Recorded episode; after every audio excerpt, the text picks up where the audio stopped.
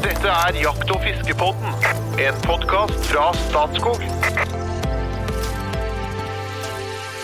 Det er fredag, og vi er selvfølgelig tilbake med en ny episode av Jakt- og fiskepodden. Navnet mitt er Trond Gunnar Skillingstad, og i dag er jeg litt ekstra spent. Vi har nemlig med oss en ekspertgjest som umiddelbart kommer til å gjennomskue meg hvis jeg lyver på meg kunnskap om vin. Men aller først så skal jeg introdusere mine faste kompanjonger. Kunstnersjelen fra Asker, gitarist, forfatter, limerick-konge og gammel raddis, radiostemmen fra Norges Geografisk Espen Farstad, hjertelig velkommen. Tusen takk, og jeg gleder meg. På en skala fra én til ti, hvor mye kan du om vin? Er overraskende mye. Åh, snakker om å gå høyt ut av hoppkanten, men jeg prøver. Oi, oi, oi! Og så, men eh, over til han som garantert har lest seg litt opp før dagens episode, sånn at han i motsetning til Espen kan stille kledelig forberedt. Han er et oppkomme av teoretisk og praktisk jaktkunnskap, og elsker jakt. Hjertelig velkommen, rypedoktor og podkastens faglige alibi, Jo Inge Bresjeberget. Takk for det. Jeg må teste deg òg, da. På skalaen fra én til ti på vinkunnskap, eh, hvor er du? Jeg kan overraskende lite. Åh, smart, smart. Med oss så har vi, som jeg sa, en vinekspert. Hun sprer eh, gode råd og tips på, i aviser, på podkast, kurs, konferanser. Hun er, er vinjournalist i Dagens Næringsliv og har en podkast som heter Jeg kan ingenting om vin, i lag med Thomas Giertsen. Og det kan jeg si, det har jeg hørt på, det er den mest misvisende tittelen jeg noen gang har vært borti. Så, og eh, Thomas Giertsen han kan fryktelig mye om vin. Det, var, det overrasker meg veldig. Men han blekner i forhold til deg, Merete Bø. Hjertelig velkommen til Jakt- og fiskebåten. Tusen hjertelig takk. Jeg må teste deg òg, da. På en skala fra én til ti. Hvor mye kan du om vin? Nei, altså, jeg har jo blitt testa ganske mange ganger, så jeg kan jo si at jeg Nei. Eh, kanskje sju eller åtte. Litt under Espen. Jeg Ja, ja, ja, ja. får, jeg får si, jeg får, når, jeg har delt, når jeg har konkurrert da, eh, som vinkelner i sin tid, så pleide jeg å få sånn 70-80% rett på testene. Så da kan jeg jo si at det er omtrent sånn mellom sju og åtte. Ok, da du testa så du, du, du blindtesta noen viner, så skulle du se hvilken type vin det var? Eller? Eh, der, deriblant, ja. Og så er det teoriprøver og sånne ting da, for, for å komme inn til nesten til blindtesten. For å komme så langt at du får lov å begynne å teste blindt, så må du gjennom en teori som er ganske heftig. Så og, eh, ja. Det, kommer du gjennom nålauget, så er det da praktiske prøver som oppå en scene foran publikum, der du må håndtere vanskelige gjester og Mhm. mat- og vinkombinasjoner du aldri har hørt om. og sånne ting. Ja. Det, kompanjongene mine de eh, har jo greid å gjøre jakt og fiske til en kombinasjon av jobb og hobby. Mm. Og du har jo greid da å gjøre vin til jobb. Men mm. hvor- hvor starta dette? Hvor starta den voldsomme interessen? Og kunnskapen? Ja, den starta der jeg vokste opp, på Voss. Uh, når jeg var sånn eh, Jeg tror jeg leste min første vinbok da jeg var sånn 13-14. Um, og jeg vokste opp i en familie der mat, god mat og god vin var en del av hverdagen.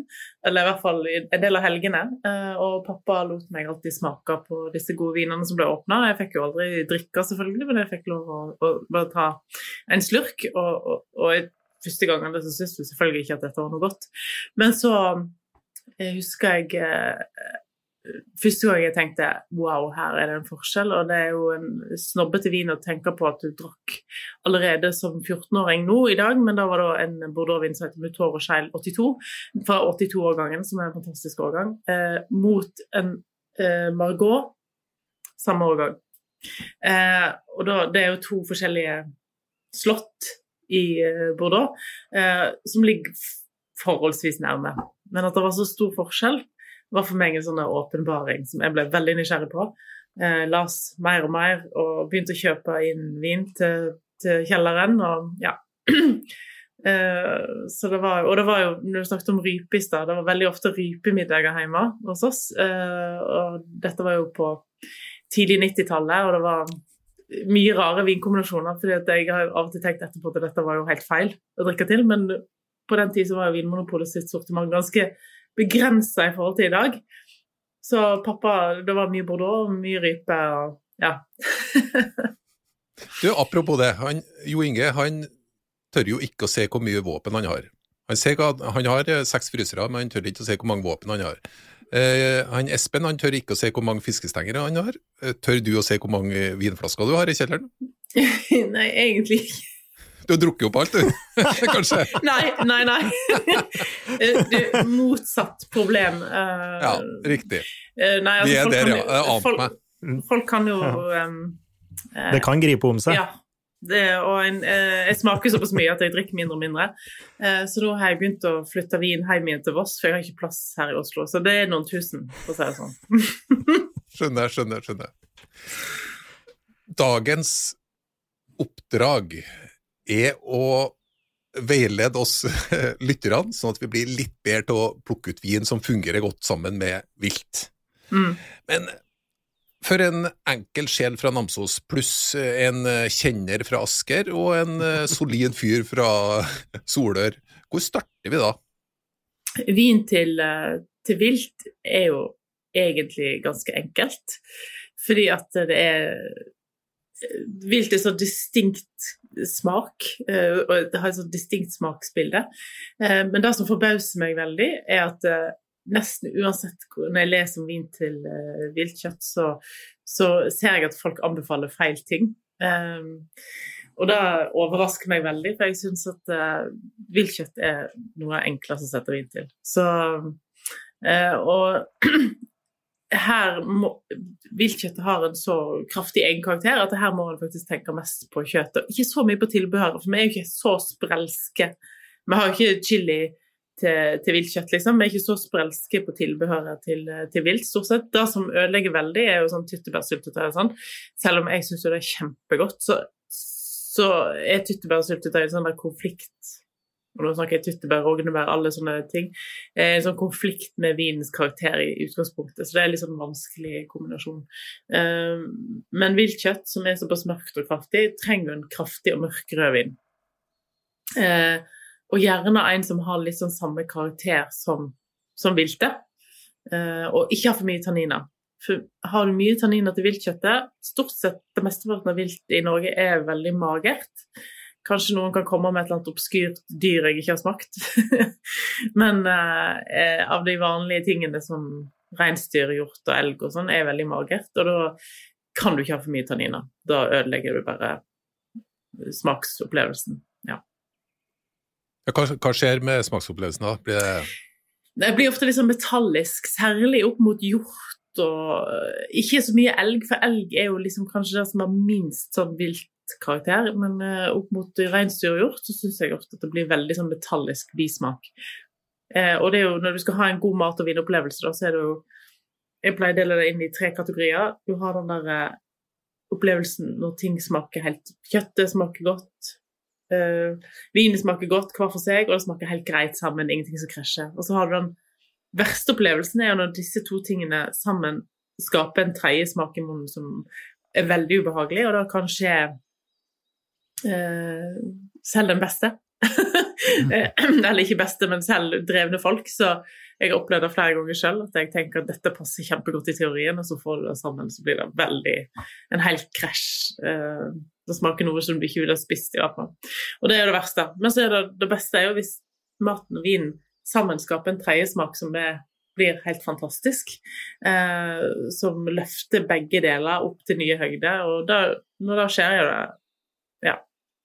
Jeg hadde en sånn opplevelse med viltkjøtt her for ikke så lenge siden, da jeg hadde reinsdyr fra Finnmark. Um, vel å merke kjøpt i butikken, men jeg syns det er veldig fantastisk at vi kan få ferskt reinsdyrkjøtt i butikken fra Finnmark. Um, og en uh, vin fra Nord-Rån i Frankrike til.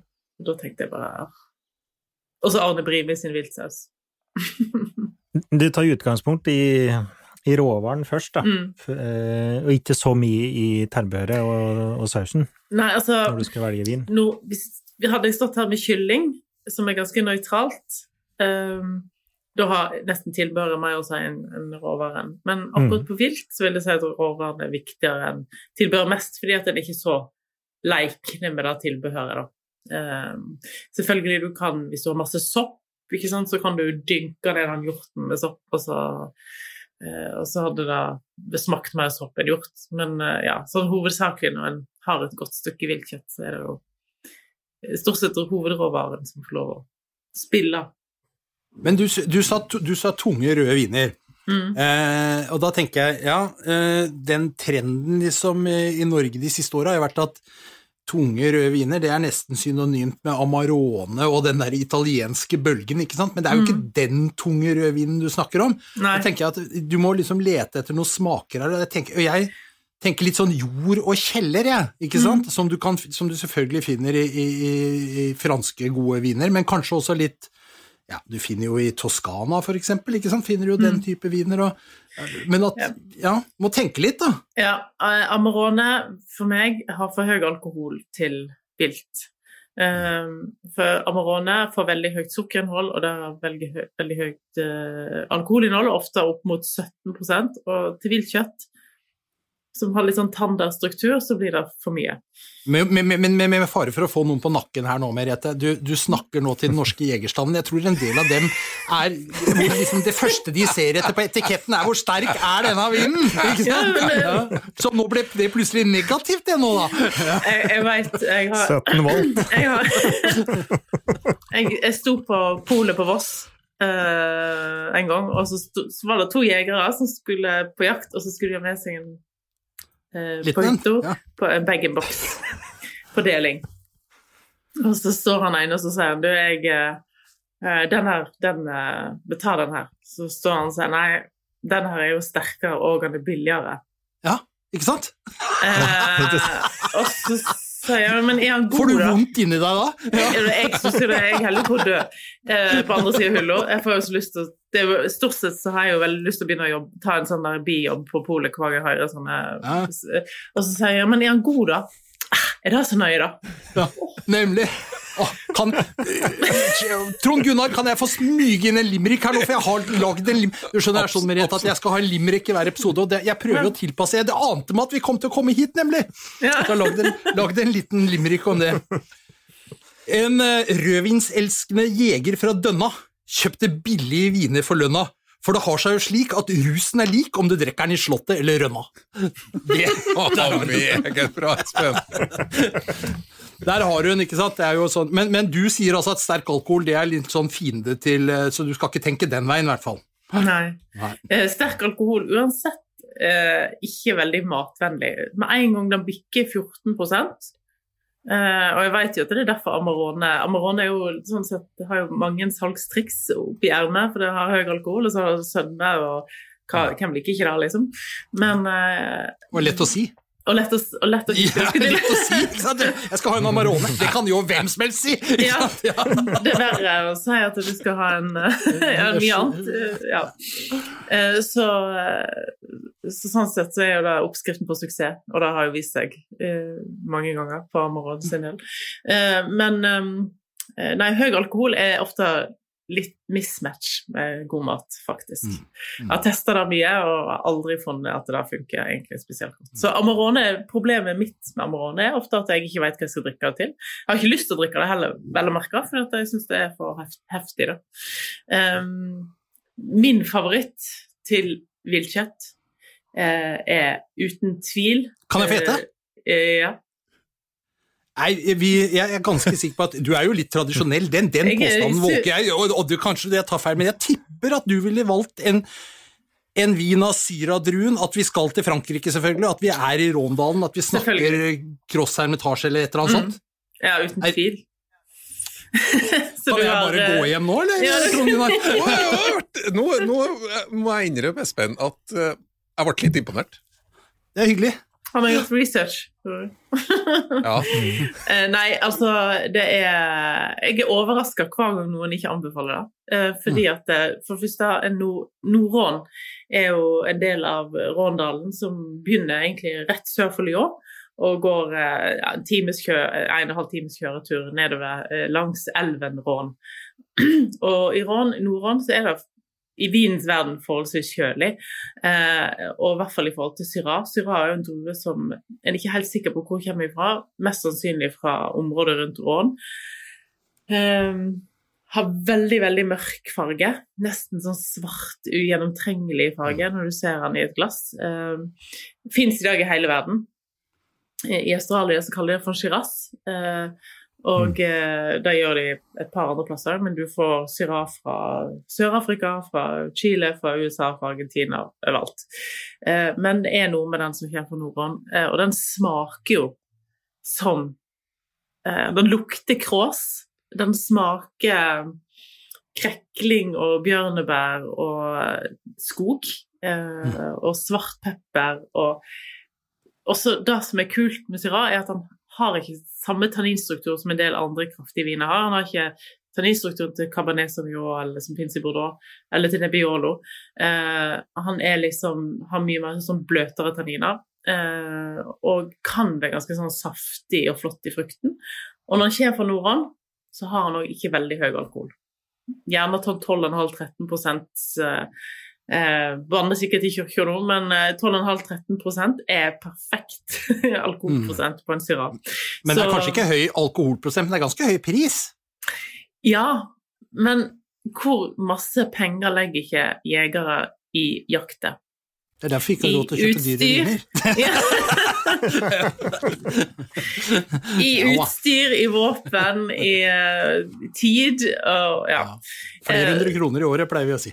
Ja. Flere hundre.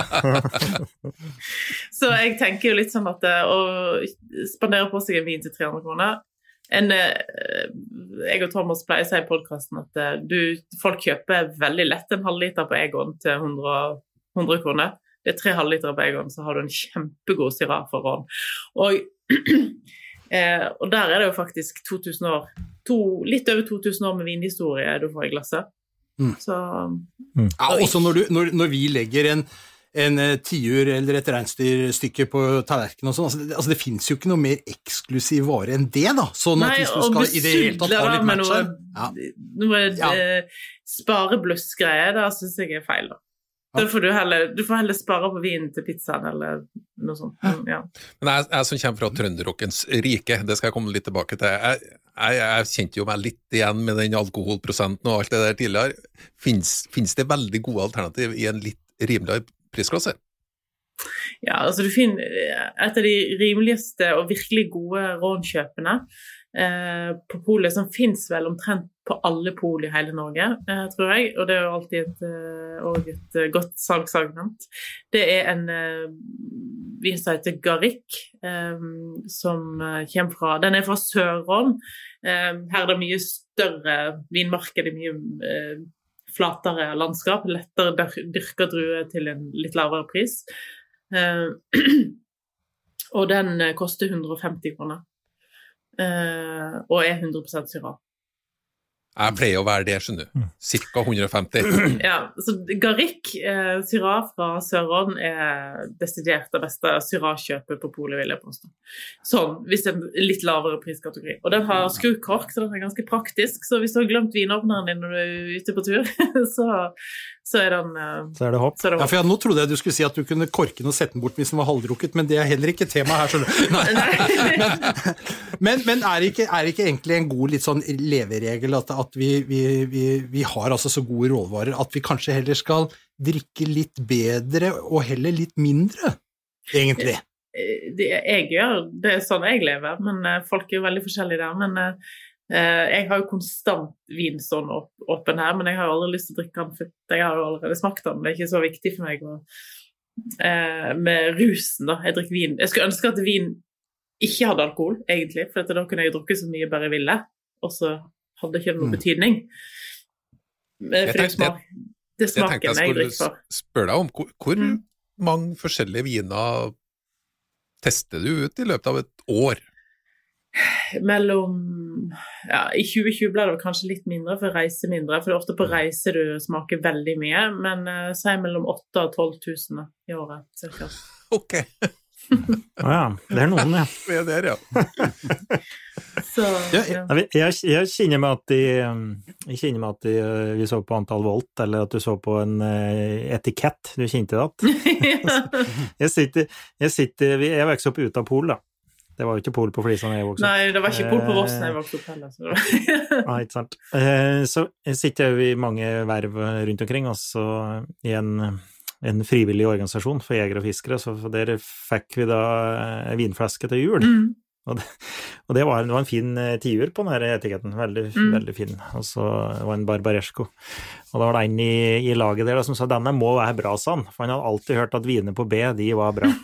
Det var- og han kunne, han kunne nevne i fleng det, Barbaresco, Barolo og Ja. Brunello. Og, men men det, var, det var litt sant, Det det er litt ikke sant? Det, var det er ikke fordi at du har Beaujolais, Bordeaux, Burgund, ja, Barolo, Barbaresco, Brunello Det er mange veldig kjente vindistrikt. Så den måtte være bra.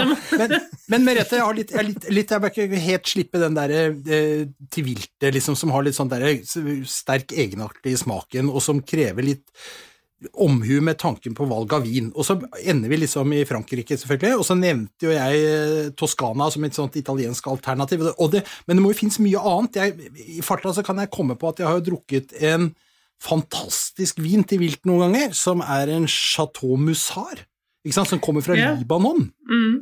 Og, og, og det er jo et litt sånt uvant vinland for de fleste av oss å tenke på, og det, og det finnes jo masse vin rundt omkring. Det må jo være noen andre land som også produserer gode viltviner. Ja, absolutt. Eh, Libanon er jo fantastisk. Jeg vil jo eh, si at kanskje sånn Chateau Mussar passer bedre til elg enn til reinsdyr, hvis en skal eh, gå inn litt mer på detaljene rundt viltet.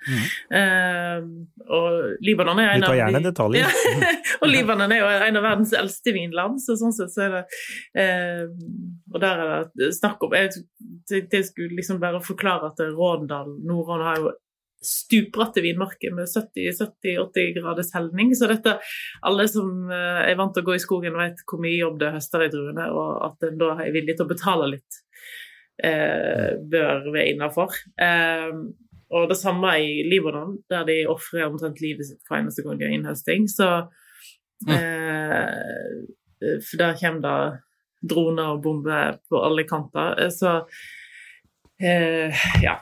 Eh, Dette er jo alkoholkultur, og ikke bare alkohol. Sånn. Men eh, det finnes absolutt andre plasser. Eh, en drue i tillegg til Syrah som jeg vil ta fram, det er en drue som heter Modøs.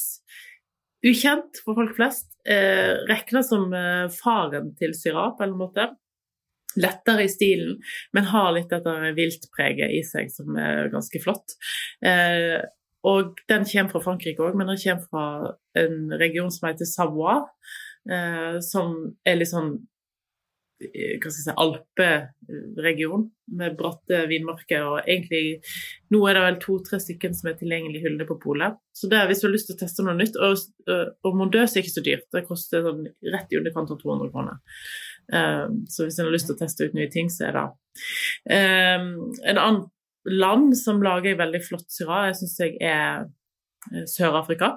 Eh, Særlig en eh, produsent som heter Miljø, som holder til i Svartland i Sør-Afrika. Som lager erketypisk syrah på en veldig bra måte. Ikke veldig billig der heller, men den rimeligste er vel sånn 180 kroner, så går det oppover til 700-800. Ja. Snakker vi nå pinotasjedruer også? Nei, eh, Sør-Afrika har jo en drue som egen, Den eneste egne druen de har, er jo pinotage, som er en klon mellom Cinsault og eh, pinot noir. Eh, jeg tenker Jeg ville ikke hatt pinotage til vilt. Eh, en god pinotasje kan du kanskje ha til vilt, men det er sjelden du får en god pinotasje. For det er en eh, drue som har hatt litt eh, ja, litt utfordringer smaksmessig. Ok. Så jeg gir en liten opplysning til lytterne som har drevet og prøvd og notert litt underveis nå. Vi lager en artikkel på dette, her, og vi lenker den ut på Facebook-sidene til Jakt- og fiskepodden. Og Der kommer det til å være helt De konkrete vintipsene kommer til å ligge inni der. Men nå har vi da kommet til spalten eh, Det det er en helt ny spalte. Det er spalten Riktig eller galt om vin. Og eh, det er sånn at jeg vil egentlig høre litt fra alle tre. Mm. Men for å ja, jeg syns du, du, du imponerer såpass mye at uh, jeg går på det svakeste ledd, føler jeg med en gang. Jo Inge, du skal få lov til å se det svar først. Spørsmål nummer én. I blindtest greier folk, verken folk flest eller eksperter, å skille mellom rødvin og hvitvin. Jo Inge, I blindtest? Ja, det tror jeg han klarer. Espen? Hvis det var det som var spørsmålet. Ja, om folk klarer det eller ikke. Altså, folk, det er jo ikke noe entydig svar på dette. men Jeg vil tro at de fleste sliter, jeg. Ja, og da får vi fasit. Er det jeg jeg, Eh, jeg har alltid klart å skille det. Um, eh, og jeg har testa mye i svarte glass, så jeg eh, skjønner ikke problemet med å skille de to. Men jeg vet jo at Eivind Hellstrøm hadde et problem her, da. Ja, det sa jeg. Eh, Sa hun med et skjevt smil. Ja, ja, ja. Jo, men du, kan, vi, kan, vi, kan, kan jeg få stille et spørsmål med utgangspunkt i det, da? Eller er du inne i en spalte med mange spørsmål? Eh, Det, jeg, har, jeg har selvfølgelig flere, ja. Men eh, vær så god. Ja, nei, for at jeg, Vi snakker om uh, vin til vilt, og det, vi snakker om disse klassiske røde kombinasjonene. Men hva med hvitvin? Eh, hva, med, hva med champagne, liksom? Går det an, går an å tøffe seg litt og prøve sånne ting? Da må jeg bare avbryte. Da tar vi spørsmål nummer to i spalten Riktig eller galt. Spørsmålet er champagne passer til alt. Riktig eller galt? Jo Inge Bresjeberget. Eh, riktig. Espen? Ja, dette passer jo i hvert fall til et godt selskap, sånn at eh, hvis du ikke sitter alene og drikker, så passer det alltid med champagne. Jeg er helt enig. Jeg har nemlig hørt litt på podkasten Jeg kan ingenting om vin, så jeg vet svaret på det, men det skal du få lov til å se sjøl. ja, hvis du sier én vin som passer til alt, så er det kanskje champagne. Ja. Eh, og hvis, eh, eh, hvis jeg eh, kan òg løfte fram rosé-sjampanjen, som er litt kraftigere, har litt, litt mer karakter enn en vanlig champagne, særlig med litt alder, da, så vil jeg jo si at det er kanskje ultimate sånn Hvis du kommer på restaurant, du skal ha sju retter, eller du lager en romantisk middag hjemme, du skal ha mange retter, men du ikke har lyst til å gå på en vinpakke, som blir avbrutt hele tiden med sånne vinkelnere som har veldig lyst til å fortelle livshistorien sin, så tenker jeg at det kan være hyggelig å ha ei flaske, og da eh, vil jeg si rosé-champagne. Og den er kanskje den som òg kan gå til vilt, da. Men hvis du prøver, hvis du tenker deg at du skal ha en, eh, en carpaccio av eh, ja, kanskje reinsdyr Det er kanskje å gå litt kraftig ut, da. Jo, Hjortecarpaccio, da. Mm. Og så kjører du en chardonnay, litt sånn feit en fra Burgund. Kan ikke det gå?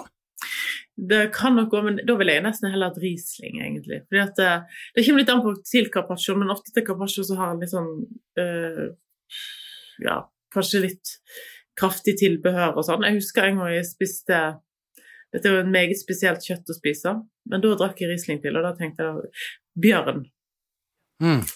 Carpaccio av bjørn. På Bjørn. Eh, og jeg må si at det der kjøttet syns jeg smakte begredelige greier, men eh, det smakte som å ta opp noe fra lyngen som du ikke skulle ete. Eh, det smakte lyng. Det smakte blåbær, og det, smakte, det var veldig spesiell smak på bjørn. Men da var det carpaccio av bjørn. Jeg husker ikke helt tilbehøret, men, men eh, Og da drakk jeg Riesling til. Det renser opp veldig godt. Uh, har ei frisk syre, har den her uh... Og skyllemiddel? ja, det er litt skyllemiddel. Akkurat i dag tilfellet. Så jeg tenkte det er en grunn til at bjørn ikke blir så ofte ete, tror jeg. Altså. Ja. Klar for neste? Kork gir bedre vin enn metallskrukork. Jo Inge? Oh, ja, ja, jeg tipper jeg sier ja til den. Espen? Ja, jeg, altså jeg har nok mer trua på en kork som, som et bedre tetnings... Det handler jo om å, å, å hindre at det kommer til luft, og du får oksidasjon og alt dette, sånn, så jeg tror på kork. Men det kan, trenger kanskje ikke være kork, kan gjerne være sånn der moderne plastmateriale-kork, men at noe som stikker ned i flaska, må jo være bedre enn noe som bare lukker oppe på toppen, tenker jeg. Hva tenker du, Merete? Det kommer litt an på der òg, fordi at eh, en, skru, en god skrukork Men hvor lenge varer en skrukork? ikke sant? Hvor lenge holder metallet seg? Hvor lenge, det er jo liksom noe vi ikke har noe svar på, fordi at jeg sier at jeg begynte med skrukork for 15 år siden. da. Eh, så en vet ikke hva som skjer etter 40 år. Men hvis en skal lagre en vin i 30-40 år i kjelleren, så vil det nok fortsatt gått for kork. Til tross for at det har en viss risiko ved seg, som at den kan gi korksmak til vin og sånn. Eh, Mm. eh, men en vin du skal drikke ungt, så er definitivt skrukork best. Så det kommer litt an på hva målet med vinen er, egentlig. Skjønner. Og mer praktisk. Mm. Ja, mer Mm. praktisk, og eh, Mm. det er liksom ikke noe poeng å putte opp en kork. Altså, korkfeil er såpass mange og store at du kan risikere at 10% av vinen eh, er korka. Eh, og hvis 10% av vinen er korka, og du produserer en million flasker, så er det en ganske økonomisk eh, krise for en produsent å få såpass mye korkfeil. Jeg skal spørre for en venn.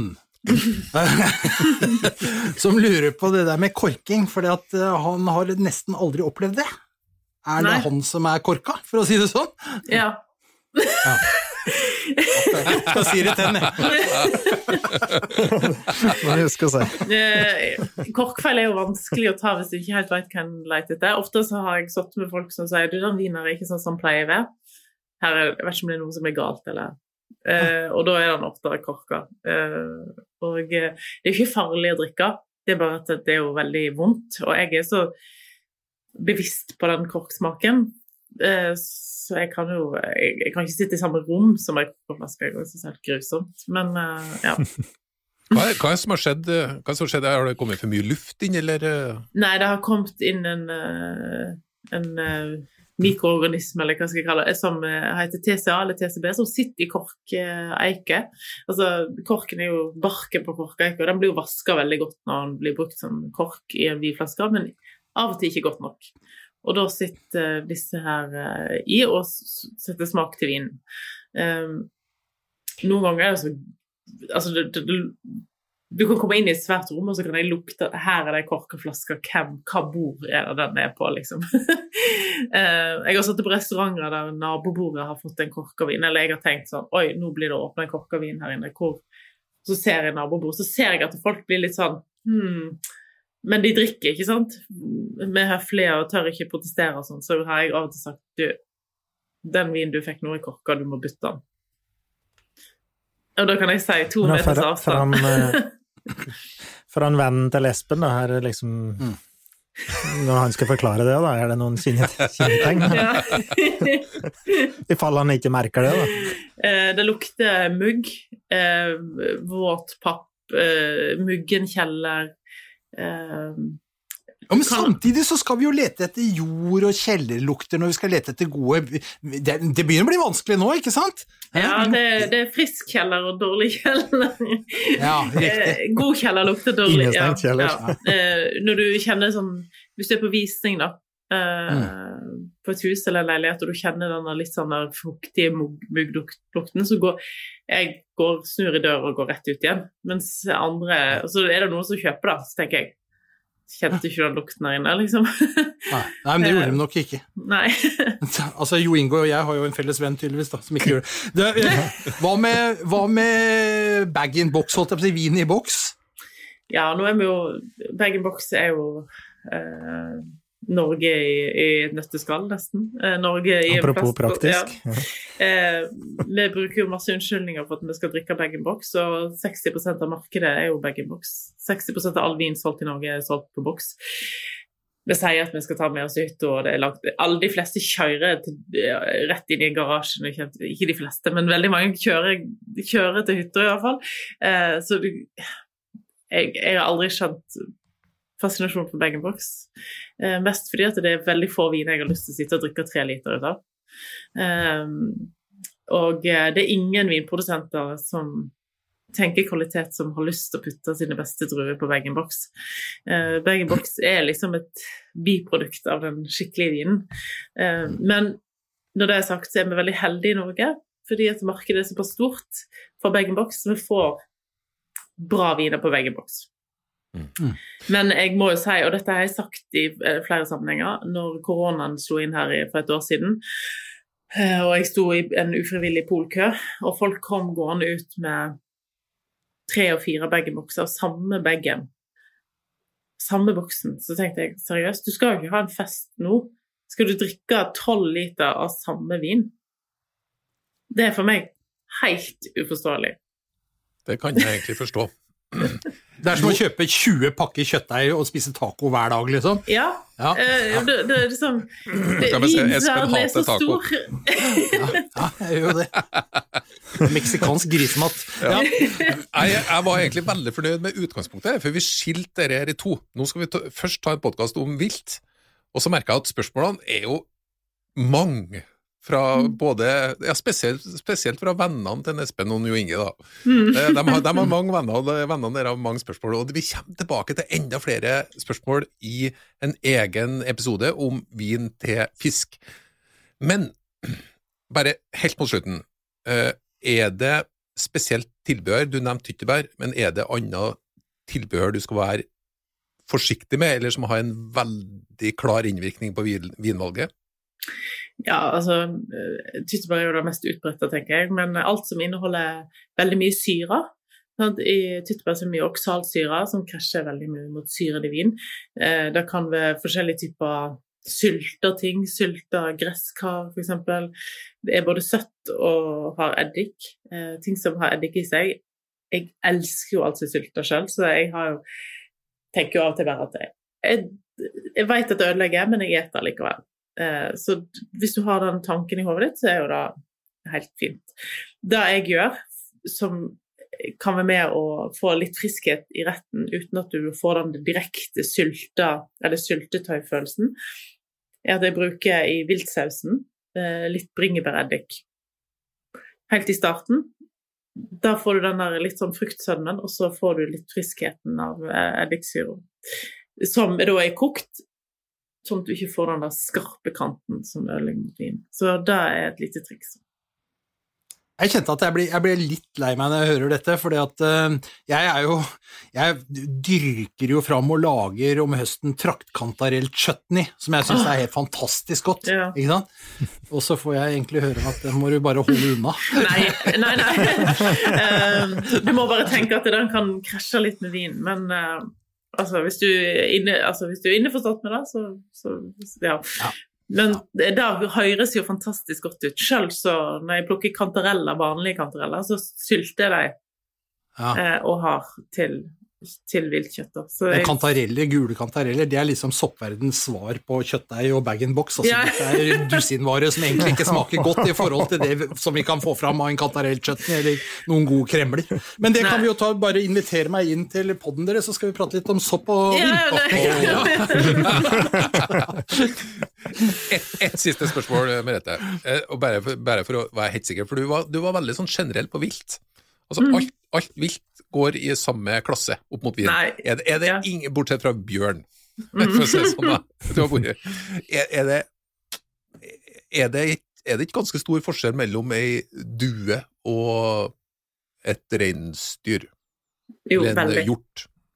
Jo, veldig. Eh, reinsdyr er vel, i tillegg til ryper, da, eh, kanskje det mørkeste, i hvert fall som jeg har smakt, eh, av viltet. Eh, du har orrfugl og sånn. Jeg har aldri hatt sånn veldig Jeg har ikke så mye erfaring med det. Jeg har smakt det noen ganger, men jeg kan liksom ikke huske Beste fuglen. Ja, men jeg husker ikke helt oh, hvordan det er i forhold altså, hvordan Ja. det er i forhold til eh, Det er- det er som en mild, det er som ei mild rype, vil ja, si. ja. Så jeg vil si at uh, rype og, og reinsdyr er kanskje det som krever mest uh, kraft i vinen, da. Mens elg og, og til dels hjort òg av og til, men særlig elg kan du godt eksperimentere litt mer med. Her kan du ha litt mer tanniner, og det, han er litt mildere, det er ikke så vill i smaken, for å si det sånn. Eh, hare og sånn har jeg heller ikke spist så veldig masse av, eh, dessverre. Eh, men eh, eh, ja. Og så har du rådyr og ting som er veldig mildere igjen. Og sammen med duer, som du godt, særlig duer kan du godt gå over til en burgunder. Som er et distrikt som ligger nord for Lyon, eh, fortsatt i Frankrike, men der dyrker de en drue som heter pinot noir. Som godt, eh, særlig passer veldig godt til duer. syns. Mm. Så du er jo innenfor ganske sånn Hvis du flyr til Lyon, lander der, så er alle distriktene rundt deg. Så det er ganske, eh, mens pinot noir finner du over hele verden, så du kan jo eksperimentere med du og pinot noir fra California f.eks. Men eh, det er nå et Australia. Og New Zealand og Australia og Mm. ja. Kjempebra. Da skal vi gå ned for landing. Eh, jeg takker alle lytterne for, for det. Som sagt så kommer det en eh, Vi lager en artikkel, statskog.no, som vi deler på ja, njff.no, og vi deler den på Facebook-sida. Der kommer det til å stå de konkrete tipsene og litt av, litt av innholdet i podkasten. Eh, har du lyst til å ta et steg opp på vinfronten? Sjekk ut podkasten 'Jeg kan ingenting om vin', som er som sagt den mest misvisende tittelen jeg noen gang har vært borti. For der er det to stykker som kan veldig mye om vin, og du får veldig konkrete tips. Men før vi gir oss helt, så skal vi ha den faste spalten Hot or not. Er dere klar? Ja.